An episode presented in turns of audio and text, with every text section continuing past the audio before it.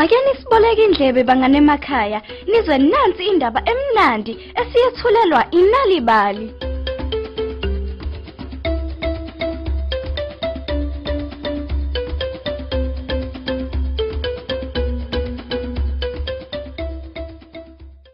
Sanibonani nonke emakhaya. Sanamukela kwinalibali. Kanti mina ngingusane Ntuli, uwantu abantwana.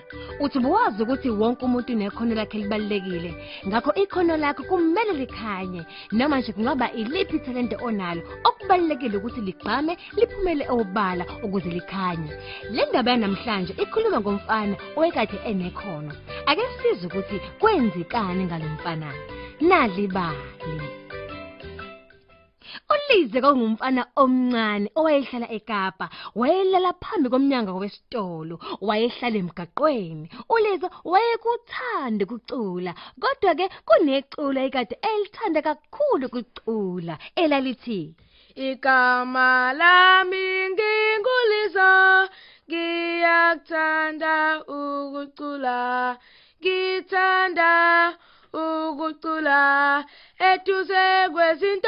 eziningi Mm, kwesinye isikhathi ulize wayeculela abantu emabhange ha kanti kokumnikeza imali eningi kanti futhi kwakumjabulisa.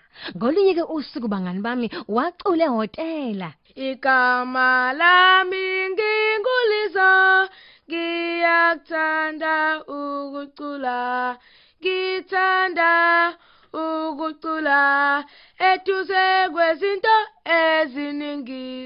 kodwa usicapha wasehotela wavele wamxosha. Kwathi ngolunye usuku ulizo wabona iqembu lecarnival. Abanye babedlala iziginci abanye bedlala amacilongo. Ha abanye babe namaphimbo amnandi. Ulizo wababuka walalela futhi ucula kwayo. Mm, zonke ke izinsuku leli qembu leli lalizilolonga ukuze phela likwazi ukuncintisana namanye amaqembu babenza imisindo emnandi. ulizo wayethanda kuba ingxenye yabo kodwa ke wayenamahloni bandla kodwa futhi wayevamisile ukucasha ngemuva kwamabhokisi. Kwesinye isikhathi wayeze awaculele phansi amaculo aleli qembu abuya dansi ngisho ukudansa. Kodwa kuthi ngelinye ilanga ulizo walilinda leli qembu kodwa ke alizange lize lifike. Hey ingabe bakuphi? Ngifuna ukuzwa lo mculo wabo mina. Isizathu esenza ukuthi ke iqembu lingafiki kungoba babekade benenkinga yemoto endleleni. Ulize wayephatheke kabi